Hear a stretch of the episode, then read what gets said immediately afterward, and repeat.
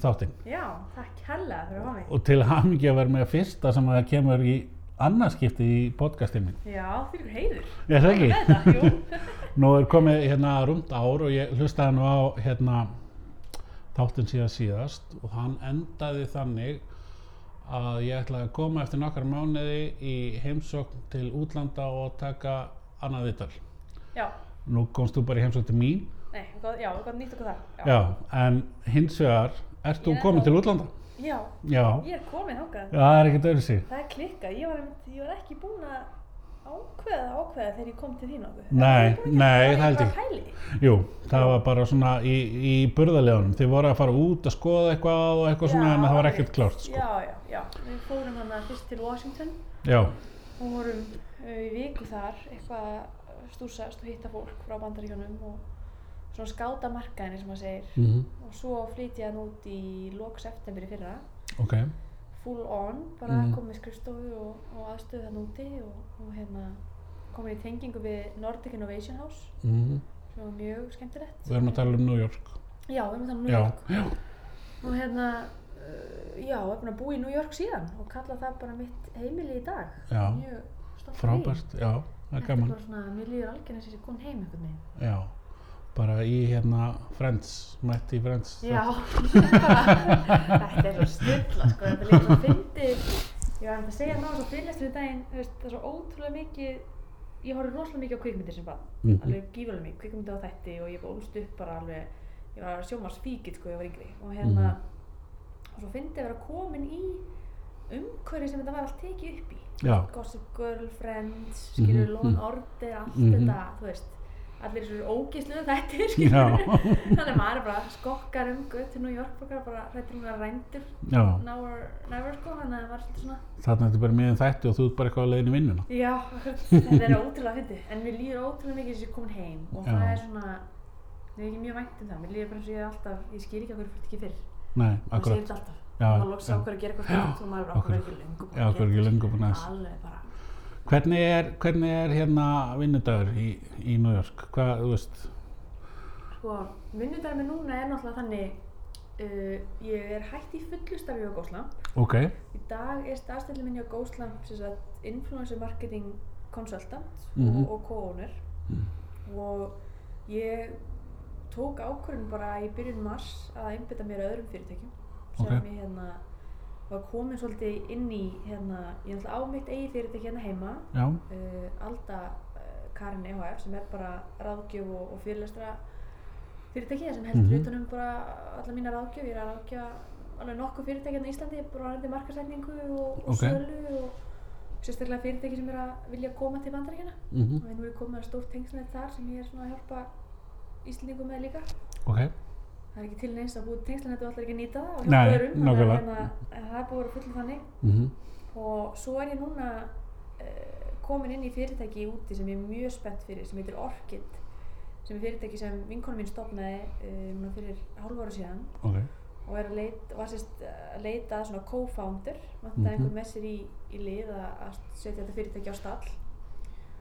Og ég er núna komin inn í það með henni, hún heitir Alexa og við erum búin að vera að funda mjög mikið núna á síðustu mánuðum ok, og erum núna fara að opna nokkrar svona heila ræktunarstöðvar eða eins og vísir kalla það sko líkasættastöðvar fyrir heilan ok, sem ég veit ekki alveg að hljómar ekkert rosalega rétt Nei. en ég gæti verið rétt, ég veit ekki alveg. Ég er ég er að búa til eitthvað nýtt. Ég, kem, ég býða bara til eitthvað orð sem Já. ég er komið í næsta Já, þætti ok, ljómandi, en, en á ennsku heitir þetta bara Mind Gym.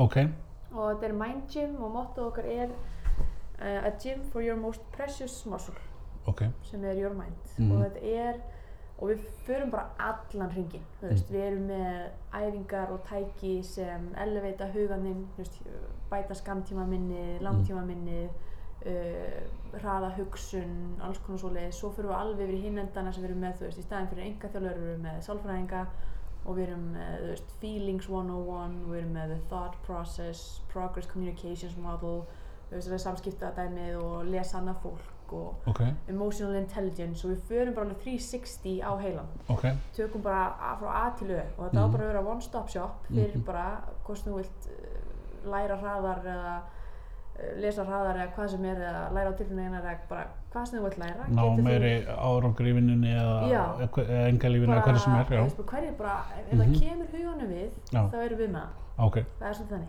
já, og við lögum upp með það alveg frá byrjun að gera þetta alveg bara svona fyrir alla og bara eitthvað sem allir geta nýtt sér alltaf mhm, og þú veist, fólk fyrir ræktina og kannski á mótnana í klukkutíma tekur svo hálftíma með gyminu og fer svo í vinnuna skilurðu. ok, og þá er það svona að preppa hugan þannig að hver einasti morgun er svona ný byrjun og svona Mm. ný svona ný sín á lífið alltaf þegar þú ferð í bara þitt daglega líf Ok. þannig séð. og hérna, og ég er mjög spennt fyrir því og við erum að opna núna 1. júni sem í New York ok, og munum opna fimm stöðvar í New York á, á þessu ári vonandi eða allan að fyrir lók þessa árs. Mhm, og svo vonandi kem ég til Íslands ég er búin að fá alveg endalaust öll póstólum minn og öllum miðlum er full ok, af fyrirspurnum um þetta Gym og hvernig Já. ég muni nú opna á Íslandi og Já. ég er bara það er erfitt að opna eitthvað á Íslandi þegar þú byrðir ekki hérna. Já, og ég vil gera þetta rétt þannig ég vil taka bara minn tíma í þetta. Mhm, en kannski á næsta næsta þannig ári 2020 kannski já, opna ég þetta hér. En ég ætla bara svona að koma þessu upp og láta það ganga fyrst og þannig Mhm. fyrir eitthvað að skala þetta út í heim. Ég en hérna en já, svo er ég komin í annað fyrirtæki líka sem hérna ég ætla að búa til mína eigin línu. Mjög fyndi ég segja þetta að fólk spyr alltaf já, tískulínu eða snirkjumurlínu fatalínu eða já, Nei, ég ætla að búa til græmmeti græmmet, Já, búa til Ég græmmeti, ætla að búa til græmmeti já, spennandi, Ég hvað við að tala um? Græmmetisbúkar Alda Karen Bóndi, Já, einmitt, who would have known? Nei, ég hitti hérna eitt besti vinn minn sagt, uh, út í New York er verkfræðingur og hann er Mhm. að rækta núna út í Shanghai svona hydroponics græmiti ok, sem er sagt þannig sé lífrænt græmiti nema það tekur miklu skemmri tíma að vaksa þú vext það ekki í mold þú, vext það, þú, lætur það sagt vaksa í vatni og já, setur svo bara all næringarinn út í vatni mhm, og með einhverju ákveðni lýsingu að þá vext það tölvöld hraðar. Já, og þetta er mjög ódýr leið til að búa til mjög næringaríkt og flott græmiti mhm, ef þú ert með gott vatn. Ok, og hann er, hann er með nokkra stöðvar uh, út í heimi, þessi hann og vinnur hans. Og Mhm. ég hitt hann og ég sagði bara, heyrðu, það er bara fárunlegt, þú ert ekki komið til Íslands Mhm. við erum með bara besta vatn í heimi mhm, og hann bara, ha, já, betur hvað, hvað varst hann alltaf hafði ekki heyrt um Ísland áður, eða skilur þetta er nei. ekki það veit enginn á okkur þannig séð nei, ég skilja, hérna, ekki nefnum bara fyrir nokkrum ára síðan þegar við fórum einhverja byllandi útrás uh, Mhm. fyrir túristan sko. já, en hérna, þannig að við erum núna að skoða alls konar lóðir út um allt og okkur langar til þess að opna græmmetisbúkar hérna á Íslandi og, og selja þá bæði ódýrt græmmeti hérna í þessu landi og, og svo flytja einni út af því ég er alveg bara, eftir ég flutti út þá sá ég hvað matur á Íslandi er ógeðslega dýr. Já, bara allur matur á Íslandi er ótrúlega dýr Mhm. og ég bara, þetta þarf ekki að vera svona. Af hverju er enginn að gera neitt þessu? Af hverju er enginn að bjóða upp á ódýran skyndibita, ódýrt grammiti eða ódýra ágsti eða af hverju er ekki, það er hægt að rækta hvað sem er uh, hvenær sem er, út frá það heim. Mhm, þannig ég ákvað bara að gera gert, og ég er núna bara að herja stríð Já. dýran mat á Íslandi. Og er núna í starthólunum í því. Já, vel gert, já, það er svolítið það sem ég ætla mér í þessu. Já, akkurat, og hérna já, svo er ég náttúrulega bara með Gósland, búin að segja það út til líka. Já, og svo einnig er ég að vinna fyrir svona uh, performance marketing agency sem er svona það heitir svona data driven agency sem ég er að vinna fyrir líka núna aðeins nokkuð verkefni. Hvernig virkar það?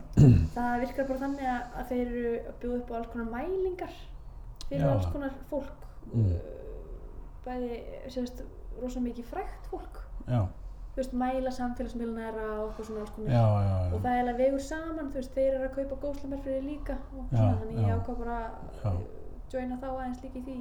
Í svona bara small joint venture með okkur þannig. ég skilja, uh, sko, Það er svolítið mikið. Já, við- sko mörg hver svona uh, erum svona að láta okkur dreyma um að hérna ná að halda einni vinnu í bara svona standa okkur vel á einu vinnustað og jafnvel tveimur.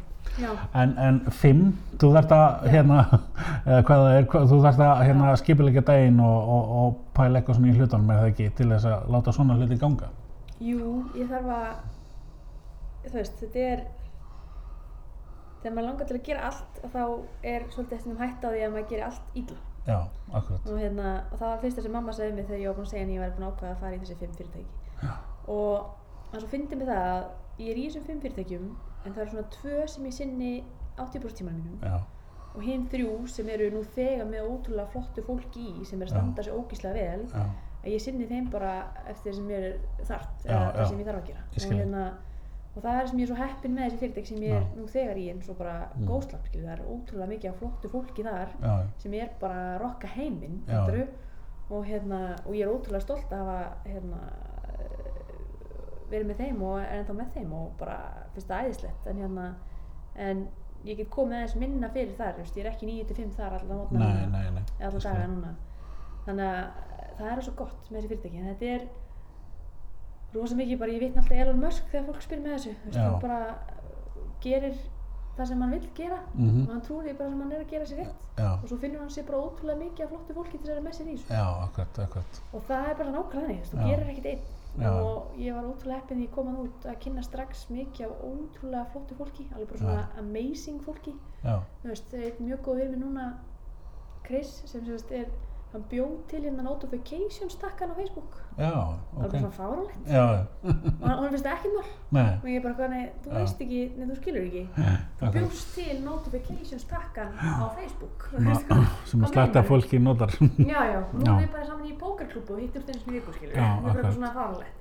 En þú segir að það hafi verið heppin að kynna svona fólki, það náttúrulega hlýtur samt að vera svolítið líka uh, svona manns eigið mindset ef maður má segja svo sem að gera það verkum að maður kynni svona fólki. já, Það er ekki Ég- bara hefni. ég er svolítið ítti ég er svolítið setti sjálf mig á stöðum Mhm. þegar ég ákvað fyrir til New York Já. að þá hérna ætlaði fyrirvændi konan mín að koma með Mm uh, og hérna fekk svo neitun á vísa sitt og við Já. giftum okkur og það var samt ekki nóg til að fá að vísa fyrir hana -hmm. uh, blessaði Trump hana, alltaf breytingur Já. Og það endaði þannig að ég fór bara ein út. Mhm. og þess að þekkja góniprest Mm og hérna og ég sagði bara, þú veist, fyrsta daginn úti var ég bara ok, nú verð ég bara að kynast ykkur Já, það er bara, akkurat. uh, þú ert, þú lifir svona stórborg Mm það er ekkert mál að kynnast bara ekki neinn Nei, nei, og vera bara einn alltaf og bara fara í vinnuna, koma heim Mhm. úr vinni og vera bara algjörlega, þú veist, bara all by yourself. Og það er ekkert mál. Og ég hugsaði bara, ok, nú er ég bara algjörlega einn ég þekki engan, núna get ég bara búið til mitt líf hér Já. og hvernig líf vil ég og ég Mhm. skrifaði bara niður, ok, ég vil gera þetta veist, ég vil gera með smoothie, morgumat, eða ég vil uh, finna með einhverja rætt, eða ég vil, veist, fara í jókastúdíu eitthvað og ég skrifaði niður bara svona minn drauma lífstíl Já. og svo tók ég bara alltaf svona baby steps bara já, ok, nú ætlum ég að fara í þetta networking party hérna, Mhm. þú veist, á föstaskvöldið með einhverju markasfólki og hitta af fólki þannig og, Mm og svo er, sem, ég- sem ég elska heimið í dag er að í öllum löndum eru til svona networking app. Já. en ég downloadaði þeim bara öllum. Ég á mjög virka á LinkedIn, ég á mjög virka á sem heitir Bumble Biz sem er bara að hitta business fólk. Mm svo er eitt sem heitir Shaper S-H-A-P-R Ok. sem líka svona, sem er mikið notað í bandaríkjum og ég downloadaði öll þessu fórtum og svo var ég bara eins og hérna, gráður kall á Tinder og bara alltaf til hægri skilur ég vildi bara hitta alla og mömmu þeirra Já, og bara, þú veist, já. alla. Já. þannig ég bara, einmitt svæpaði til hægri allir ég að koma í strengi í og hérna fór svo bara hitti alltaf fólk í kaffi og það var svo fyndið að hitti fólk. Mm að á svona fyrstu tíu sekundunum þá veistu bara hvort þið er saman ekki. Já. og ég trúi því svo fyllilega. Ég bara, það var bara nákvæmlega sem ég gerði. Þannig að ég fór hitti alltaf fólk í kaffi og svo var einn maður sem hitti hérna, hitti mitt á networking eventi og, og hann sendi mér svo message þegar eftir og bara, herri, ég er að fara inn í mat með rosa áhugaður fólki, viltu koma með? Já. Ég að hitta hennar mann einu sinni. Já. og ég fekk svona ekki eitthvað það góð tilfinningu fyrir honum en mér varst að vera að gera mjög cool hluti þannig að mér langar ekki til að heyra meira um það. Mm þannig ég eitthvað, já ok, og hann bara, ok, ég kemur nægi þig. Og ég bara, ha, Það er ekki gert í það mjög. er ekki, það er mjög skrítið. Ég eitthvað, ok, býtt, hann ætlar að koma að ná í mig. Ég er ein í New York, hann Mm. veit að ég er ein í New York veist, hann er bara að koma og ræna mér, hugsa ég. Og ég eitthvað, já það, þú veist ef hann er að koma að ræna þér, þá er það bara þannig. Þá er þitt bara búið. Já. þá ferðu bara ekki lengra, skilur en ef hann kemur og næri þig og fer með þig einhvern rosa klikkandi inn þá hittir þú fullt af flottu fólki. Mm. og ég eitthvað já, komdu bara náðu mig og hann kemur og næri mig og ég var búin að downloada einhverju appi, svona öryggisappi Ok. sem er svona eins og, eins og gamla fólki með svona öryggisnapp Já, ok. og löggan kemur innan, þú veist, kortis eitthvað myndir á hann Já. ég var búin að downloada í síman minn algjörlega Allt tilbúin að vera yfir sko og að gera allar, þú veist, búast í versta Meisbrúsar? Nei. nei, nei, Þú varst ekki að ekki að þú veist, búast í versta og vonaði besta Mm. Herri, og svo pikkar hann upp og allt í góðu og við keirum hann eitthvað upstate New York og, og hittum eh, fólk í svaka flottum dinner mhm, og í dag, sex mánuðum síðan, Já. er allt þetta fólk sem var með mér í dinner Já. bestu vinni mínir í dag. já, það er svolítið. Þannig að ég geti ímyndað ef ég hef haldið bara, nei, hann er að ræna mér, ég ætla ekki að fara og hann er bara það einn innan dinner, ég hef aldrei hitta fólk. Og tveir af þessum, það voru fimm manns í dinner hana og tveir af þeim sem voru í dinner eru nú með mér í fyrirtæki og eru bara business partners og friends for life. Þannig að það er ótrúlegt ef maður tekur pínu séns og var ég sko, notabenni, þannig var ég búin að vera í New York í fimm daga. já, sæl. Það veist, ég var alveg bara, ég var bara hversu sorglega þegar ég degi núna. Þú alveg bara, ég er ekki byrjuð, Ég er ekki búin að, að upplifa eina helgi nú, Það er bara, Þetta er ekki búin að vera þetta vennilega túristastoppinu sinni. nei, akkurat. akkurat. Já, það er hljóma skemmtilega. Þannig að partur af þessu eh, að, hérna, gefa af sér og taka á hættu. Já, Já, algjörlega, og nota bara, kynna sér verkfæni sem eru til staðar. já.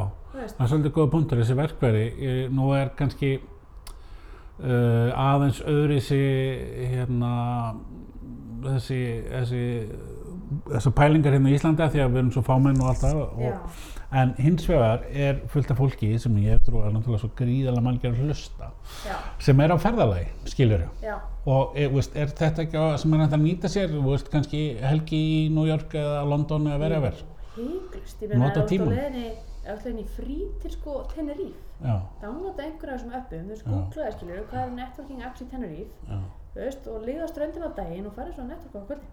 Þetta er nefnilega ótrúlega og þetta er alveg, ég skil alveg að ég er extrovert og ég Mm. mm. alveg grein fyrir því, mm Mhm. -hmm. ótrúlega gaman að spjalla við fólk og hitta fólk Mhm. en stundum fæ ég líka bara alveg nóg stundum er ég heima alveg heilu vikuna bara að horfa Netflix einn og það er allt í læg já, já, fólk heldur að meina að maður þurfi alltaf að vera að eins og Mhm. bara núna, ég er búin að, þú veist, uh, rúma sex mánuði í New York mhm, Þú veist, ég er að fara að stofna þrjú nú fyrirtæki en búin að stofna tvö út í Mhm. New York og komið vinni fyrir lífstíð ég var ekkert aðallan nei, En þú veist, fyrstu svona þrjá, fjóra mánuðina, jú, jú, þá var ég alveg vakna sex og þú veist, koma heim á minniti mhm, og svo um helgarna var ég líka bara dauð og Já. kláraði þrjár serjur á Netflix. Mhm, að þú veist, við erum bara mannleg og mér finnst það svo vera, uh, fólk horfir alltaf á mig bara, já, þú ert svo dugleg. Og ég bara, nei, ég er það ekki. Já, ég er ekkert dugleg en þú, skilja ég ég er bara, þú veist, uh, ég bara gerir þetta, þú veist, Mhm. og, og þegar ég nenni að gera þetta, þá ger ég þetta ekki. Já, að þetta er svona, mhm, og ég held að það sé eina ástæðan fyrir að fólk þóra ekki, það var eina ástæðan fyrir að ég þóra ekki að þetta af því ég ímyndaði bara að New York er bara brjáluð, ég er alltaf að, ég myndi aldrei sofa og ég þyrfti bara að vera gettugleg og það var svona sem hrætti mig mest. Og bara einmitt að fólk myndi horfa á mig, kem tilbaka bara já, hún er algjört feiljur og þú veist, þannig maður er aldrei hrættur við að feila, maður er alltaf hrættur við hvað fólk hugsa um að þegar maður feilar. En svo feilar kannski einhverju og fólk er alveg sama, eða þú veist, fólk pælir ekki eins og nýði sko. Nei, nei, akkurat, og hérna þannig að það var til að stoppa mig mest að ég þurfti að vera svo ótrúlega dugleg en svo kemur maður út og þetta er bara það er allir bara mannlegir eins og þú sko já, það er svo, æðislegt, já. já, Eh, hérna, ég man ekki hvort það var að koma fram, en af hverju New York, eh, þú veist, það Ég- segir sér já. kannski sjálft, en, en samt það er til fullt af morgum, Já. fráförum borgum, Já, nei, ég uh, fer til New York 2011 um ömmu minni já, í svona helgarferð, svona skvísu helgarferð, ég Já. og amma já, förum hann samán út og ég fann það bara þegar ég lendi Mm. Ég fann bara er hérna það er eitthvað við þennan stað. Ljómandi, og þú veist, ég hef ekkert eitthvað að ferðast brjálæslega mikið. Ég, uh, ég farið oft til útlanda en alltaf bara á sömu ströndin á Spáni Mhm, skilur eins og mhm. við Íslandingar erum nú þekkt fyrir. Við förum einn svona ári í tvær vikur og sömu ströndinni ár, þrjár þrjár, sko og svo helgaferði fyrir jólinn að vesla, Já, einmitt Mhm. London uh, Já, hérna, Glasgow. Glasgow, akkurat, maður hefur gert það allt sko. En þessi einu ferð sem ég fór með minni til New York og gjörsamlega heitlaðist í afinni og ég kem frá New York með svona stórt plaggat með mér á Empire State. Já, ótrúlega fyndin saga. Já, ég kem með þetta plaggat heim Já. og setja það på vegg heima á mér. Þetta er það fyrsta sem ég sé þegar ég vakna þetta er það síðast sem ég sé þegar ég fer að sofa. Já, bara í sko einhver fjögur ár var þetta plaggat upp í hjá mér og ekkert Já. eitthvað þú veist, sérstaklega ástöð þetta bara ekki brösslaðist með þetta heim já, Já. ég verð nú að setja þetta upp skilur einhver fjögur ár manifestaði ég bara inn í líf mitt að ég myndi sjá þessa byggingu. Fyrsta sem ég sé þegar ég lappa út úr húsinu mínu í New York og lappa upp götuna já, er ennbæð stefningin gert, og síðast ég sé ég kem heim er ennbæð stefningin já, og þetta er ótrúlega fyndið að hugsa um þetta núna skilur og ég segi þetta við alla sem eru þú veist vilja flytja ykkur og borga ég bara herru, keftu bara plakkat á Amazon þú var Já. sendt Já. setti það på vegg býttu svona fjögur til sex ár. Lofa þér, þetta er alveg bara þú veist, þú ert bara aðlæta af þér. Já, það er alveg, ég, hérna, ég get staðfest þetta, ég var með mynd af hérna, Iron Maiden út um alla veggi og ég er búinn að sjá það tvisar, sko, þannig Já. að það passar, þetta er ótrúlegt og ég, sko, ég get að svara út að sjá herbyggum mitt í allir veggir eru út aðtaðar í einhverjum svona draumum skilur. Já, já, alveg já. bara, þú veist, eitthvað logo sem ég vil einn daginn gera sem er ekki eins og ég byrjaði að gera, þú veist Nei, sem ég vil hafa framan á MetLife by- byggingunni í New York einn daginn og ég Já. veit alveg þetta logo verður á Já, það, skilur ég veit já. það af því að það er búið að vera á vegna mín ég skilði. Að því við erum að detta inn í þessar pælingar þá hérna uh, Life Hack of the Day og, og, og. Life Masterclass. Uh, segja mér frá Life Hack, fyrsta Life Hackinu, hvað veist, var þetta ígrönduð pæling, margar mánuða plan eða, eða datt þetta bara inn? þetta var um, ég var með fyrirlestur í Hörpu lindamólin mín í sölu markasetningu og lífi sjálft þannig í september Já, og þar sem ég var að segja frá mikilvægi samfélagsmiðluna mm, og mikilvægi þess að vera virkur á samfélagsmiðlum og Mhm. mikilvægi þess að vera reglulegur og gera eitthvað reglulega. Og svo kom ég heim og ég áttaði með á því að ég var ekki nógu dugleg sjálf. Já, og mér langaði einhvern veginn til að miðla þessari þekkingu minni meira og sérstaklega þessi lifehacks og þetta byrjaði sem bara svona thought of og því ég er bara svo mikill pælari og grúskari og heimsbyggingur í mér að ég var Mhm. alltaf svona pælingar á daginn mm sem hérna umgjá vini mínu fengur bara alltaf að heyra fyrir og Mhm. alltaf að tala um þetta og alltaf fengur engan frið. Að ég ákvað að byrja að taka upp bara svona lítil vídeo á Instagram story mm sem var einmitt bara, þetta hétt bara the Day í alveg tvær vikur eða eitthvað. Bara, þú veist, það- hvað er ég að hugsa um í dag, þú veist, ég er að hugsa um hérna þú veist, emotional intelligence þú veist, það var einhver pælt í því Ég man eftir að sá þetta einmitt, bara það var eitthvað svona, þetta. byrjaði bara svona einhverja pælingar. Mhm, og svo var ég að hitta líka útrúlega mikið áhugaður fólki hann það fyrst að þá var ég svo gett duglega að fara networking event að hitta Já. hann Editor in Chief of Time og hitti helstu framlendur á CNN og fór að fund með Spotify, markastjórnum þar og síndi livestreamaði hann. Já, hver hefur gert það, ég lappa bara á Spotify og ég bara, hefði má ég livestreama hann að fund? Hún bara, ha? og ég bara, já, finnst það bara cool eitthvað. Bara, já, já, ekkert mál. Mjög fyndið.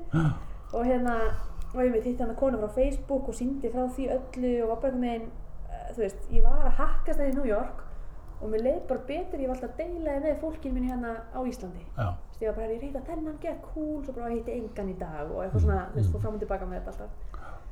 Og svo byrjaði þetta, fekk bara ábendingu frá manneski sem bara, það heita bara lifehacks, þú bara okkur lifehacks, þú veist, þetta var bara, þetta var bara húkum frumkvöld sem sendi mér bara, herðu, þú veist, þú ert bara að kenna mér hvað ég á að gera þegar ég vil stopna fyrirtæki í New York og svona, og ég bara, já, ok. En ég byrjaði bara að kalla þetta lifehacks og svo ákveði hann að leia Eldborg. Og eða sem maður gerir bara. það sem að gerir, þetta gerir svo ótrúlega náttúrulega, ég gleymi svo aldrei, ég var að lappa út úr Silfurberg, Já, nei, fyrir ekki á Norrljósum, sem fyrirlistur hann í, já, og sviðstjórin segir við mig bara, alltaf það bara, hennar seldist upp á hann fyrirlistur bara á 30 mínútur, og ég bara, já, ég heyri það, það var náttúrulega smá flott, hún bara, já, það er nú gaman ef þú getur bara fyllt Eldborg, og ég bara, já, væri það? Nú ekki fyndið eitthvað, svo bara viku setna var ég komin í síman við Telmu í hörpunni og var bara, herri Telma, mér langar svolítið að vita hvað kostar að leia Eldborg. já, og hún einmitt bara já, akkurat, þú vilt hafa öll sætin. Og ég bara já, já, það verður uppselt. Og ég var svo fyndi, ég hitti mitt forstjóra hörpunar en daginn. Og var með fyrirlestur upp í Iðnó hún var um að segja þú veist, mína hlið á að því ég var að segja frá því sko þegar ég, daginn sem ég ákvað að leia Eldborg á Já. einhverjar 4,8 miljónir eitthvað farulegt sko. Mhm, hérna alltaf flottasti salur í, á Íslandi þannig að hann kostar sitt að þá skuldaði ég 395.000 krónur í yfirdrátt. Ok, það var sérst aðlega mín á þeim degi sem ég ákvað að leia Eldborg. Mm, og ég í mömmu og ég segi bara mamma, veist, ef ég feila algjörlega á þessu þá koma bara 20 svo er það þú til ég að vera ábyrgum minn á láni en ég geti borgað upp salin já, og hún eitthvað, já, já, í verstafalli er þetta bara þú veist, Mhm. þryggja fjóra komin okkur lán og við borgum það bara saman og, og hérna, og þú bara vinnur sæmilega bíl. Já, já, já, já. þú veist, ég fæði bara einhverja tvær vinnur Já, og þú veist, verstafallið þitt aftur Íslands og vinn bara að mér raskatið og borgið upp. Eða þá, þú veist, að hérna að ég fylli salin og, og skilin með einhverjum hagnaði. Og svo fyndi að ég var svo sjúklega stressuð ég myndi ekki ná þessu en ég sagði alltaf, okkur einasta fundi sem ég hitti hörpu þá sagði ég, það verður uppselt já, og svo fyndi fyrir fórstjórn hörpu að hún er búin að heyra bara þá hlið bara að þessi stelpa vissi allan tíman að uppselt. Já, og svo segi ég bara, ég var svo skítrætt ég kom heim að þetta ekki uppselt, skilur ég var bara á fulla að vinna í þessu já, hún er að finna þessi algjörlega sikkura liðna en ég sagði, ég passaði bara allt sem ég sagði upp á var bara að verður uppselt. Ég sagði Já. aftur og aftur og aftur, aftur. Það er frábært. og svo fylltist þetta bara, Já, eins og gerir en hérna, lifehackið þótt svona að, að hérna, að komu á hverjum degi og, og hérna, og þetta fór ekki bara í stories út aftur. þú skráður þetta niður eitthvað og, Já. já, Ég er núna, núna fyrir þetta sjálfkraf alltaf í Dropbox hjá mér. Já, og ég er núna að skrifa mína fyrstu bók sem verður gefin út núna á þessu ári. Og verður með 100 uh, lífsliklum að því að kalla þetta á, á íslensku. Mm, uh, og þetta verður einmitt, ég fer alveg 360 gráður út um allt lífið. Mm, og hérna og frumkvæla starf og markasetningu og sölu og bara allt sem er hjálpað mér að koma svona langt og, og hvernig ég seldi fyrstu Ghostland herferðina eftir 48 klukkstunda dvöl í New York. Mm, og alls konar svona bara, ég er bara að gefa fólki veist, ég er ég er ekki búin að ná tóknum, ég er á leiðinni en ég er að Mm. læra fáránlega mikið, fáránlega hratt. Já, og sama tíma ég er að læra þetta allt þá er ég að deila frá því okkur um einsta degi á Instagram hjá mér. Mm, og ég er að skrá þetta niður hjá mér og ég ætla bara að gefa það allt út í einni stóri bók sem kemur út. Mm, uh, í haust, haustvetur. Já, spennandi. Þannig Segðu okkur hans meira frá hérna uh, Life Masterclass, uh, hvernig, veist, hvernig þú hugsaðir þetta, hver var svona, hvað að segja, svona objective, veist, að- hvað, varst að, hérna, og, og hvernig byggður þetta upp, settist þið bara með hvitt blað og, skrifaður, ég ætla að segja þetta og þetta og Já. þetta, eða hvernig, þetta var ég var náttúrulega búinn óvart að undirbúa þetta í alveg þrjá mánuða því því ég byrja að live eitthvað þetta day var það á þrejum mánuðum áður en ég er með live masterclass. Þannig ég Mm. var tækna sér búinn að undirbúa mér mm Mhm. partur af fyrirlesturinn var, var ég að gera okkur með þetta degi á Instagram. Já, En þetta var náttúrulega, þegar ég byrjaði að halda sölu og markas, eða ég byrjaði bara með sölu og markas ráðgjöfuna, bara fyrir tveimur ára síðan, þegar ég, þegar ég er ennþá hjá Sagafilm, þegar ég er bara hjálpa vinnum og vandamönnum með sölu og markasetningu og ákvað svo að ég var að fá svo gífulegar eftirspynni, ég var bara að gera það í eitthvað tæft ár og ég var að fá svo gífulegar eftirspynni frá fólki að veist að koma til mér í ráðgjöf og alls konar svona og ég var að byrja að rukka fyrir þetta og þetta var alls konar. Og ég ákvaði að gera þetta svo hérna í einum stórum fyrirlestri í hörpu þannig að bara allir sem vilja vita hvernig ég gerir sölu og markasetningu getur bara Mhm. komið og hlusta á það einu sinni og þá get ég bara farið til New York bara Mhm. áhyggjulaus laus og bara og fólk hætti bara að bögga mig. Já, máldögt, Já, og hérna en þú veist það sem ég komst að á þessu ári og eftir ég var búin að ákvaða að leiða Silfurberg og þegar það var eiginlega búið að hérna að sala er bara persuasion og marketing er bara attraction. Já, og attraction og persuasion er eitthvað sem við notum daglega í lífinu. Og þannig einhvern veginn þróaðist það út í bara ég var ekkert lengur að kenna fólki sölu og markasetningu eða, eða þú veist, ekki kenna eða bara þú veist, deila minni reynslu á sölu og markasetningu mm, heldur var ég bara að deila minni reynslu á lífinu og hvernig ég horfði á það og hvernig ég nýtti mér það. Já. og hérna og þannig þróaðist þetta út í bara eitthvað sem heitir í dag Life Masterclass ég gerði mér sko fyllilega grein fyrir því hvað ég var klikkuð þú veist ég er 24 ára, hvað Mhm. í fokkan veit ég um lífið skilur já, og vera þess að jörði í 24 ár og í 4 ár gæti ég hvorki tala nýja hugsa skilur, Já. þú veist nánast. Þannig að hérna, ég gerði mér Já. fyllilega grein fyrir því og það var einmitt einn vinnu minn sem sagði við mig bara alltaf, þú ert sko gjörsamlega raunveruleika fyrst og hann bara, þetta er sko besta hrós sem ég hef gefið ykkur. Og ég bara, þetta er bara besta hrós sem ég hef fengið. Að þú veist ykkur er hraðasta leiðin að því að vera meðal maður það er að vera raunsær. Og bara já, fjandinn hafi það að ég ætla ekki að vera meðalmaður, ég ætla að vera framúrskarandi í öllu sem ég vil gera. Og bara hvort fólk að vera framúrskarandi kennari, framúrskarandi hjúkarnarkona, framúrskarandi markastjóri, já, aldrei vera raunsær. Og ég sagði þetta um þetta fyrirlestur í daginn bara sem hérna og svona svolítið mikið eldra fólki mér ég bara, henni, please að hætta að segja fólki vera raunsær. Bara hætta að segja fólki vera raunsær segja fólki bara vera frekar já, ef við erum með allt og mikið setningum um það hvernig að draga fólk aftur niður á jörðina já, ef við erum með allt og fáar setningar sem íta fólki bara upp í geim. Já, akkurat, en það er alltaf að tala um og þú ert að beina markmuninu til tungsins Mhm. því að þó svo nærði ekki á tunglið þá dettur allan á stjörnunar já, skilur og mér finnst það svo það vantar meira því Íslendinga. Já, við erum svo rótgróin og raunsær Já. þjóð og eitthvað bölvað vesen Já. veist, við erum að vera framúrskandi þjóð já, og við getum það alveg og við erum að, erum að þú veist, vekja aðtekli fyrir það út í heimi Já. hvað við erum framúrskanandi fótboltamenn þú veit Já. ekki, þú ert ekki bara að segja mér að Arnina Gunnarsson sé raunsær nei, hann akkurat. gjörsanlega raunveruleika fyrir Bara landsliðin okkar bæði í fótbolta til dæmis er náttúrulega bara frábært dæmi um þetta. Er nýlega til dæmis. já, ef landsliðin okkar var raunsær Mhm. þá væri þau ekki að fara í þessi mót Nei, akkurat, akkurat. Að ég bara þetta er að eina sem ég er að bila núna eins mikið ég get bara ertu eins raunveruleika fyrir þú mögulega getur ég að því sem það tekur fyrir hendur sko. Og hérna, eins og ég segi bara sjálf, ég er með fimm fyrirtæki og ég held þetta í hörpu sem hétt Live Masterclass og, og hérna gekk sjúklega vel, var uppselt var bara yndislegt kvöld með frábæru fólki og bara ég ætla að heldur betur að endur taka leikinn sem fyrst vonandi, Já. vonandi í haust eða vetur eða eitthvað, Mm það eru líka kringum bara bókaútkána mína Já, hérna, spennandi. ég er mjög spennt, já, það eru minna Ef að hérna við ætlum að, að, að hérna gefa okkur það að, að einhver sem er svona kannski að leita svona hvað ég segja, rétta uppskriftinni, leiðinni til þess að, ná lengra í lífinu. já, Það að, að hérna vera sko ekki fyrstur vera raunveruleika fyrstur og, og hérna og, að, og gefa af sér, við erum að koma svolítið inn á það. Er, er ykkur fleiri punktar sem að við getum, Já, ég held bara að sem hjálpa mér langmest í lífinu alveg bara langmest og í öllu sem ég hef tekið mér fyrir hendur er að ég er alltaf meðvituð um að ég er nóg nákvæmlega eins og ég er ég stipla mikið á svo, eins og þú har heyrt sjálfur í fyrirlestunum bara ég er nóg nákvæmlega eins og ég er. Og ég er með þetta að skrifa sko barbyggispilin heima á mér. Bara Mhm. ég er nóg. Mhm. ég er með þetta að skrifa á skrifborðið heima á mér.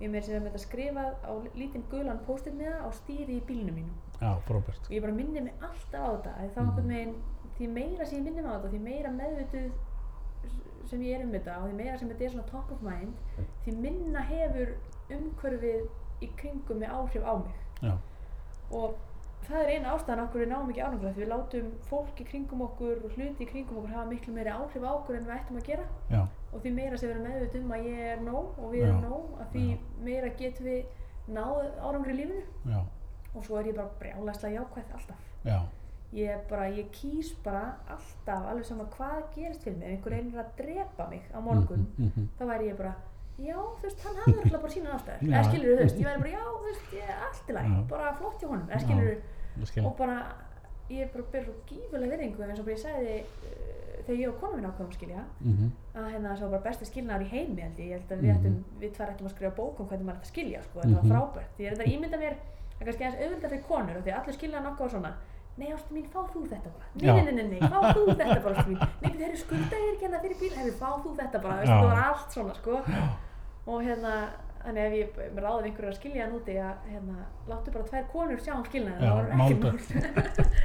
En Já. hérna en bara það að vera ótrúlega góður við fólk og vera ótrúlega jákvæður gagvart heiminum Já, það breytir bara öllu. Já, það breytir því sem þú óttast mest já, í eitthvað sem þú getur lært af af því að þegar þú horfir svona bráðlega jákvætt á hlutina mhm, að þá er einhvern veginn ald, þá ertu aldrei fórnalam fyrsta lagi, sem er náttúrulega einn helsta ástæða okkur við gerum ekki raskat af því að við upplifum okkur sem svo mikið fórnalam við erum alltaf að kenna ríkistjóðunum eða við erum að kenna umhverjunum eða eitthvað svona, mhm, en um leiðu byrjar að vera jákvæður þá er svona, herðu, hvernig get ég komist fram hjá þessu sem er að stoppa mig? Já, og svo einnig bara hvernig get ég lært að það sem er að koma fyrir mig? Já, það held ég sé bara mitt helsta lindamál í lífinu. Já. Bara, að, og ég, veit, ekki hvort ég fættist svona eða hvort Nei, að ég var alveg, veist, ég bara veit það ekki. Já, Veist, ég- skiptir kannski ekki alveg öllu máli Nei, eins og það skiptir ekki máli því ég held líka bara að ég hef alveg átt mína neikvæðu tímabili líka en ég rækti þetta bara svo ótrúlega mikið í sjálfur mér Mhm, en ég ákveð bara alltaf þegar ég hef val bara ok, núna get ég orðið brjálæslega reið eða núna get ég orðið bara brjálæslega jákvæð og þá vil ég bara alltaf að vera jákvæð. Mhm, og Það er góða punktur. 99% tilöka auðvitað maður dettur maður stundum en það er líka bara alltaf læg ég stund, ég gleymi líka stundum að drekka vatn, vatn á daginn já, að næs, hérna en bara jákvæðinni einhvern veginn dregur mann ótrúlega langt í lífinu sko. Gary Vaynerchuk gefur Já. hérna uh, gerir svona gefur svona gríðarlega mikið af sér það er að segja hann, veist, hann er örglega umdeldur eða hann er umdeldur en, en margt af því sem hann gerir er að, að gefa svona ráð, upplýsingar alveg dælaði út og vera ekki alltaf að byggja um eitthvað ég ætla ekki að gefa um, þetta nema ég fái þetta í staðinn. Uh, svolítið svona eins og maður hefur verið að upplifa með þig á Instagram og fleiri stöðum sko. Að, hérna, þetta finnst mér svona líka kannski góði punktur að hérna, geta gefið eitthvað af þér áður en þú fyrir að byggja um eitthvað tilbaka? Og, og þá kannski þarftu heldur ekki að byggja um eitthvað tilbaka það kemur bara. Nei, það kemur. því meira sem þú gefur því meira þarf tilbaka. Já, mér finnst líka eitt sem hann segir sem er óslega gott því ég horfði mitt mikið á hann líka. Já, mæli með að fólk tjekka og gera veinu tjekk er hann segir alltaf gefðu 51% og taktu 49 já, já, akkurat. Og, mér finnst það, og það er eitthvað sem ég hef gert bara þegar ég var bann að ég hef alltaf gefið meira en ég tek. Já, og ég veit ekki hvort það var bara eitthvað í mér að ég vildi ekki vera að taka þetta fólki en Mhm. bara gefa alltaf meira og bara því meira sem þú gefur því meira færðu tilbaka sko. já, akkurat. En hérna svona aðeins uh, kannski ekki eins svona heimsbyggilegt uh, fyrirtækja rekstur í, í New York hva, eh, og, og versus Ísland. Oh, ég stopna fyrirtæki og reka fyrirtæki Já. er, mikill munur. Sko Trump er alveg fín. Fyr, fyrirtækilega séð já, er Trump alveg fín gaur. Ok. Hérna, og búin að gera alls konar skemmtilegt. Hann er náttúrulega afkasta mest í fórsetin bara frá upphæfi alda hana í bandaríkjunum. Mm, hann er búin að gera alls konar flott fyrir business fólk ok, sem, hérna, sem ég er bara upplegað fyrst núna. Já, ég var alveg anda í Trump þegar ég flutti út sko. En núna er ég alveg pro-Trump allar leið með hennar fyrirtækjarekstur. Já, en uh, ég myndi segja aðal munurinn er að þetta gengur miklu hraða fyrir sig á Íslandi. Já, þú veist, þetta eru bara tvær stoppustöðar sem þú þarft þannig séð, þú þarft bara að sækjum að stofna fyrirtæki sækjum kennitöluna og fá svo bókara bara til að stofna fyrir því já, og þetta getur gert bara á sjö dögum. Já, eða þú getur gert þetta freka fljótt held ég, held að Já. ég hef stofnað fyrirtæki mitt mjög hratt Já. því ég fekk hugmyndin já, og þú þarft einhverja hálfa miljón og það er bara Mm. komið uh, í bandaríkjum er þetta ekki alveg svona einfalt Nei. en þetta er samt uh, þegar þú ert búinn að stofna fyrirtæki í bandaríkjunum sem er þú veist, þú ert búinn að sækja um uh, að incorporata kennitölu, þú Mm. þú, byrja, þú getur byrjað bara sem verktaki í ráðgjöf eitthvað sliðis og svo Mm. byrjur bara um að incorporata US Social Security numberið og það tekur kannski í tvær vikur og svo þarf þetta að fara og býða í lengstu röð í heimi, einhverja þrjá tíma að fá fyrirtækis vottorðið og þú ert að fara með það til lögfræðings eða bókara og, skjálfesta það. Ok, eða sem sagt fá vottun uh, frá þeim. Og þegar það er komið í gegn að þá er mjög auðvelt að reyka fyrirtæki og það er ekki að mikið í tekjuskatt og meiri sé að í New York er það þannig að ef þú ert frumkvöld og ætlar að opna fyrirtæki í New York State mhm, að þá þarf ekki að borga tekjuskatt fyrstu tíu árin já, sænt, í New York. Ok, og við hvað hefur óskað að það væri hérna í Reykjavík þegar ég live masterclass takk já, fyrir vend já, ég bara horfði á peningana mína gufa upp jafn og það er komin í bankbókina já, já, ég hef aldrei verið að sorgmætt að horfa á heimbanka minn eftir live masterclass. Það er bara, er bara fáranlegt ég held bara að ég var að vera ógeðslega ríka þegar haldur hann fyrirlestur nei, nei, nei, nei, nei, nei, ég fekk meira úr sko tryggingum eftir bílslis heldur en ég fekk á live masterclass. Og ég væri frekar til að, þú veist, ef ég væri bara að þetta fyrir peningana já, þá myndi ég bara lenda aftur bílslis Já. það veist, ég færi ekki aftur í gegnum þetta vinnu fyrir hérna sem betur fyrir ekki en í bandaríkjunum verða alls ekki þannig. Er, þú ert uh, miklu meira svona tax loopholes þarna já, og þeir vilja að fólk stopni fyrirtæki en þeir vinna Já. miklu meira með þér. Vilja eins og Íslandska ríki þurfi aðeins að fara að íta undir frumkvöla aðeins meira. Veist, það er mjög góð stuðningur í frumkvöla á Íslandi Já. og mikið af svona styrkjum sem við sóttum en það Mhm. er ekki jafn mikið um svona skatta uh, hérna fríðindi og, og þvíumlíkt sem mætti vera miklu meira veldi þeir eru að ata þessu út hann í bandaríkanum sko. Þannig það. Þannig að það er svona megin munurinn, kannski svona uh, auðveldar að að reka það eftir að það komið í gang, Já. já, já, hérna er erfið, finnst mér persónulega veist, að vera með fyrirtæki í starthólum hérna heima er held ég, vil ég meina erfiðara heldur en úti í Já. Viltu En- fá mér í sjans þar einhvern veginn, er það með hvað sens?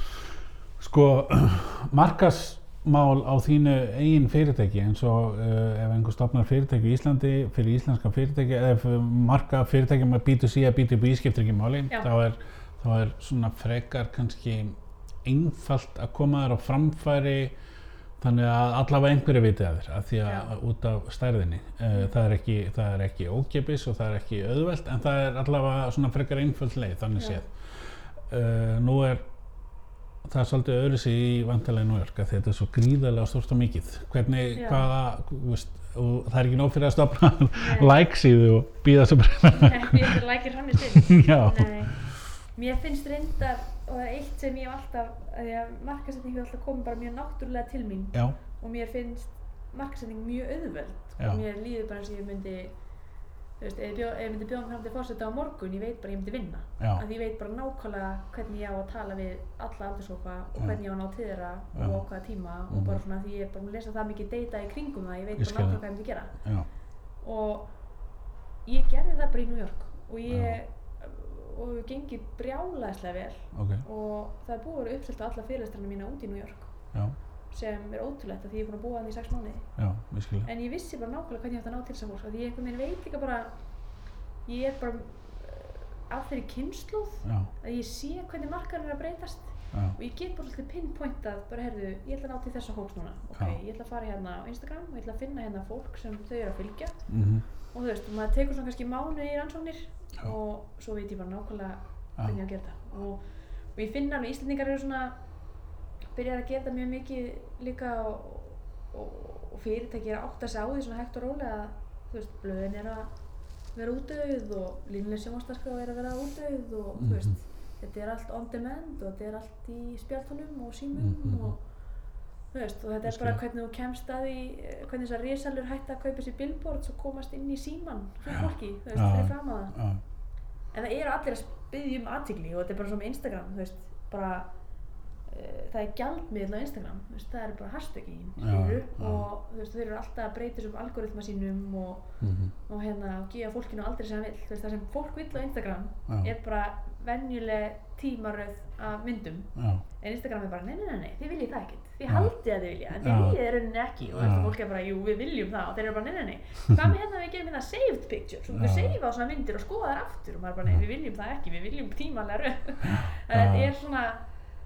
þú veist, þetta er, markasetning er í dag bara að, fyrsta lagi, finn út hvert er þitt target audience, já, og ekki bara þetta gamla góða, ekki bara Já. hvers kyn eru og hvað eru gömul, já, þú veist, einmitt, hvað gera þau á mótnana, Þú veist, hvað, við hvað vinna þau, Mhm. skilur, hvað er þeirra average household income, hvað er, hérna, hvað er djamma þau, þú veist, þú, bara, þú þarf bara að vera þitt target audience og svo þarf að hugsa bara, ok, þú veist, hvað ger ég þegar ég vakna móna, mitt target audience skoðar Instagram, ok, Mhm. ég þarf þá að koma fyrirtækinu mínu á Instagram, right, svo bara nei, mitt uh, target audience það fyrir beint inn á MBL-dris, Já. ok, þá þarf ég að koma inn á MBL-dris, já, og þetta er bara, og svo fyndið að ég vinn með auðlýsingastofunum úti sem er einmitt svona performance marketing auðlýsingastofa. Já, og þeir segja að eina budgetið sem þú ert að eyða blindandi eru fyrstu tvær vikunar sem þú ert að rannsaka þetta þannig að þú átt bara að vera tvær vikur að finna út hvar target audience þitt er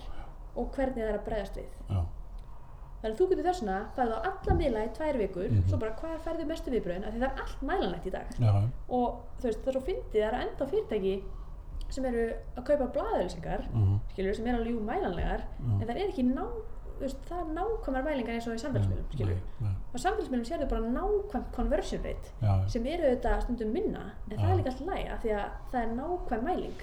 Veist, ég kannski lesi eitthvað í blaðinu og segi þér frá því og þú Já. kaupir það. Já, skilur, þú sást aldrei þetta blað. Nei, nei, veist, hvernig vita þau að, hvernig mæla þau þetta mhm, þannig að hérna að já, þeir segja að þú ert að vera tvær vikur mhm, að finna út, þeir kalla þetta drivers já, eh, miðlana. Já, bara hverjir eru your two main drivers svo bara fyrir 80% af markaspelsinu eftir það í þessar two main drivers. Já, svona hverju 2-3 mögulega 80-20 eins og ofta aður, já, já, 80% fyrir af markaspelsinu fer í þessar drivers og þeir bara reyna að keira upp conversion rate eins mikið og geta. Mhm, sérst frá, uh, frá bara vennilegum einstakling yfir í kaupanda og Mhm. kuna mhm, og þú veist, mér finnst þetta bara þeir sem eru týndir í markasmálum í dag bara komi í klukktíma ráðgjöf hjá mér og bara þú veist, þú má borga sérstu tvö árin skilur Já, mér veist einmitt þetta tvent sem þú kemur aðna inn á sem að eh, kannski hefur vantað hjá þeim sem ég hef verið að ræða við. Það er það að, að hreinlega vita uh, hvað er ætlast til af markasherfinni uh, bara kaupa meira. Kaupa meira af hverju, hvenar, hvernig er með hvað hætti? Ég fór aldrei, eins og núna ég að segja þetta hérna, opinbjörlega já, allt markasbudgetið mitt já, fyrir live masterclass Já. að fylla 2000 manna sal í hörpu uh var 50.000 krónur. Já ok, ég fyllti Eldborgsal hörpu með 50.000 krónur já, einmitt. Og þú veist, þetta er sko ekki einu sinni vasapeningur hjá fyrirtækjunum sem eru hérna á Íslandi í markasendingu nei, nei, akkurat, og ég get sagt þú bara nákvæmlega hvernig ég ger þetta. Já, ég ákveð fyrsta nóvembur að ég held eitthvað kringum það að leia Eldborg. Og ég vissi nákvæmlega hvað markkópurinn minn var aðal markkópurinn minn var 14 ára til uh, svona 35 ára fólk Já. ég vissi að þau voru öll á Instagram og þau voru öll á Snapchat þau eru Mhm. núna þess að hætta á Snapchat Snapchat Mhm. er aðeins búið breytast Mhm. um, og ég vissi að þau voru lokuðum hópum á Facebook Mhm. en ég bara ok, þetta er allt eitthvað sem ég get gert svona yfir helgi Mhm. þannig að fyrstu helgina eftir ég ákveða að, eftir ég tilkynni að ég var að, að, halda þetta í hörpunni Mhm. að þá er ég eina péri mitt var að ég var á forsíðunni á vikunni og þar var markaburinn minn ekki. Nei. þannig ég bara ok, þetta er ekki að fara að gera mig mikið en þetta er mögulega kannski að ná einhverjum mömmur sem munu hristaði markaburinn mínum Mhm. skilur Þannig ég fer bara að loka grúpur á Facebook og ég byrja að posta bara, ég er hérna með live masterclass, veist, það er um þetta, þetta, þetta, veist, það er fyrir fólk sem hefur áhuga á þessu, þessu, þessu. Þannig ég bara, ef fólk hafði áhuga á einhverju af þessum sem ég postaði, að þá fór það inn og skoðaði viðbrið. Markmið mitt á Facebook var aldrei að selja miða, Nei. aldrei. Markmið mitt á Facebook var bara brand awareness. Já. Bara ég er með þetta, það er um þetta. Já. Og fólk sem hafði actually áhuga á lífinu, áhuga á að ná árangri og þú veist og svo bara sem betur fyrir við flestu þetta var svona svolítið almennt subject sem var með, uh, skoða þetta. Mhm. Ég fikk rosalega mikið af fólki inn á Facebook síðan mína og því um líkt. Svo fór ég á Instagram og á Instagram kefti ég auðlýsingar uh, sem reyndar ég þurfti að kaupa auðlýsingar líka á Facebook en það var alltaf leið, þú veist, því að- því að Facebook á Instagram Já. og getur ekki, ég allar að kunna ekki að kaupa bara auðlýsingar á Instagram, Nei. ég þurfti að kaupa líka á Facebook. Það er hægt núna. Já, það er hægt núna, það var ekki hægt finna okkur og ég kaupi auðlýsingar sem byrtast á Facebook og Instagram uh, sem eru bara hérna er miðasalan Mhm. það var heldur ekkert að selja með, það var bara hvað miðasalan er, bara brand awareness Já. svo fór ég og ég bjóð til hellinga contenti Já. ég bjóð til sjö myndbönd og postaði þau á Facebook postaði á Facebook og ég bústaði þessi myndbönd og þetta voru bara sjö lifehack sem voru svona vinsastu lifehackin hjá mér sem ég hef fengið svona mest viðbröð við frá mínum markkópi þegar ég postaði þeim hana mánuðin áður Mhm. postaði því efni þannig að það var aðgengilegt ég fekk sko yfir 18.000 views á Lizard Brain lifehackið mitt Ok. sem fór bara nánast væral um Facebook Mhm. svo fór ég með svona Mhm. og þar fekk ég fólk sem ég vissi að hefði áhuga á fyrirlesturum mínum sem hefði komið áður á fyrirlestur sem var bara með nákvæmlega markkópi minn sem fylgjendhóp og ég virkiði þau bara í hollum og ég virkiði bara fyrsta hollið bara herðu þið fáið hérna miða uh, gegn því að uh, auglýsa live masterclass og það er tveit sem þið þurfa að gera þið þurfa að gera swipe up link sem er með miðasölunni, mm -hmm. ég vil selja miða út á þetta og þið þurfa að segja okkur ykkur þetta mikilvægt Já. engar aðra upplýsingar Nei. engar leiðbendingar, ekkert, ekkert bull. Bara af hverju finnst þér þetta mikilvægt? Já. þú veist, að ég vil ekki að þú auðlýsir fyrir mig ef þér finnst þetta ekki mikilvægt. Nei, ég skil það. og ég fikk alveg nei, ég fikk alveg nei, mér finnst þetta ekki mikilvægt. Ég Já. bara, frábært, þá Já. bara takk fyrir að vera heilu skilur ekki, ekki auðlýsa fyrir mig þá? Já. og hérna, og virkiði mitt fyrsta hóli ég held á endanum að þetta verið svona kannski 40 miða sem ég gaf í heldina hver fekk tvo miða. Og þau hittu bara nákvæmlega á minn markkóp og miðjögudaginn fyrir uh, síningu síningi var á fyrir föstinum er uppselt Já. 50 skall, Vel 3 gert. mánir, Já, vel gert. 2000 manna salur Já. en ég vissi líka bara nákvæmlega hvað markvörðum var því ég já. búin að gera rannsóknuna undan Já. þú veist, ég eitt eða á þessi 50 skall fór bara ekki Facebook og Instagram Já. Og, og líka sko að þú varst ekki já, ég ætla að prófa að gera þetta í dag. Þú varst búin að plana þetta á einhvern nátt. Ég vissi bara, ég er markvörðum minn, ég veit hvernig ég er. Það var kannski for, forskot sem ég hafði. Markastjórur eru mjög ofta ekki þeirra eigin markkópur þannig að það er kannski forskot sem ég hafði en þú veist, en En það er sama, það er hefði vinna samt- sem þú átt að geta verið í. já, algjörlega. Og þú veist, þú þarf bara að lifðu bara eins og, þú veist, ef þú ert fært kallmaður lifðu Já. bara eins og 14 ára stelpa. Einn dag, þú veist. Akkurat. Læ- lærðu á Snapchat, lærðu á Instagram, Já. Skilur farðu að horfa á Já. settu þér bara í fótspor á fólkinu að tala ég get alveg ég meina, í síðustu var ég með fyrirlestu fyrir samtök fjármálafyrirtækjana Já. Ég skil það. Þú veist, þetta er bara, svo Mm. þróast bara og þetta er Mm. bara svo Nova gerði Nova markasætti fyrir krakka þegar þeir eru að byrja með og nú eru allir uh, og mamma er það í Nova Já, já, nákvæmlega. markkomurinn mun draga annað fólk inn líka Já, og veist, og al- aldur hópurinn í salnum og læk masterclass var miklu eldri en ég hefði þórað að vona. Já, en það er bara því að krakkarnir voru bara, herðu, mér ég hjálpaði þetta." til að draga það upp. En krakkarnir voru líka bara, herðu, þú veist, mamma, þetta er stelpur að tala um hérna lífið og tilhörinu Já. og það og mamma bara, já, ég kem bara með. Og það er mitt, þú veist, Já. með svo klika. Ég hitti einmitt með mína daginn áður en ég fór og henni ég var að fara hún er 70 og eitthvað og hún sagði, ó, ég hef nú vilja að kaupa mér. Já, skilur, þú veist, þannig að það, það, það stemmir alveg þó að ég sé já. hvorki ég ni hún í markáfnum Mm. En þess að fyndið, svo sendi ég út reyndar eitt sem ég geta nefna er að ég, já, ég ætla eitti miða verðin á miðunum í þessar markasetningu, það ætla að Já. henni eitthvað að gefa þessar miða, en svo sendi ég líka frétt tilkynningu á fjölmiðla, já, en þú veist, ég fekk uh, ömulega frétt í fréttablaðinu, sem var eitthvað bara svona lítið stuppur sem held að enginn hafi séð. Og, og kom held ég ekki á vísi.is og, Ok. en svo setti vísi.is frétt um þetta sko tveimur dögum áður. Mm, sem var mjög flott frétt. Og hérna vildi hún alveg selt líka. Já, en annars og var þetta náttúrulega hvergi í fjölmjölum nei, akkurat, sem svo fyndi fjölmjölar er eitthvað sem fólk fyrir fyrst í. Já, þeir voru minn síðasta Já. Ég, ég bara hef ekki mikla trú á fjölmjölar fjölmjölar elda það er það sem fjölmjölar gera. uh, uh, New Rules of PR and Marketing held ég hún heiti bók sílas fyrir ég veit ekki, það er eitthvað síðan sko. Hún er einmitt að tala um bara nákvæmlega það sem þú varst að lýsa sko. Þannig að, Þú veist, ég gerði bara kúl á samfélagsmiðlum og fjölmjölar eldi bara. Já, það er það er skemmtilegt frábært, þetta er hérna já, mjög, þetta er svona þessi þættir hafa kannski verið svona hjá mér hinga til svona um sölu, markasetningu og akkurat eitthvað eitt fyrirtæki en við erum nú búin að fara yfir víðan. Já. og hérna eins og ég sagði áður en við byrjum að upptökur að, hérna, þetta var að þáttunum með 50 ammali þátturinn en að maður er svona með súpustjörni í viðtali en hérna eitthvað svona kannski sem hún myndi vilja bæta við sem hún er langar að segja okkur sem að þú ert með svona top of mind eða erum við búin svona að covera það helsta Mitt top of mind er bara eins og það sem ég sagði á hann að miðla því sem þú lærir hjá og nú lærir það. já, Það er eitthvað sem hjálpaði mér langt mest og ástæðan okkur ég fór út í þetta. Hvort Það sem er er- markasetninga sala, svo fyndi þegar fólk er svo hissa þegar ég segi bara því ég lýsi því bara nákvæmlega hvernig ég á með markasetningur með fyrir life já, masterclass. já, Og ég hef sínt fólki að bara skrif fyrir skrif hvernig ég geða allt. mm, Að hérna, fólk heldur alltaf ég sé að segja eitthvað leyndamál, en ég er það ekkert. Ég er bara, að því að, þú veist, þegar ég er að deila þessu með þér, þá er ég fjór skröfum undan þessu. já, ég skilur bara, já, því meira sem ég er að miðla, því meira læri ég. Þetta er alltaf að tala um, þegar leður byrjar að kenna eitthvað, þá lærir þú mest um það. Það er bara alveg eins og þegar þú miðlar þekkingu. Þegar ég miðla marksetningum mín, þess að núna bara þegar ég var að lýsa hvernig ég markst til life masterclass, þá datt mér bara fjórar, fimm nýjar hugmyndir í viðbót já, sem ég ætla að gera fyrir næsta skilurðu. nákvæmlega Þannig að bara, Þannig, ef þú gerir eitthvað cool og heldur fyrir þig, þá ætla að gera það vittlust. já, Miðlaðu öllu sem þú lærir. Já, nákvæmlega. Það er frábær punktur. Ég held að sem svona eh, podcasta sem að fólk á að hérna, reyna að taka eitthvað út úr því þá held ég að þetta sé svona loka, góður, loka punktur. Góðu loka punktur þar að segja.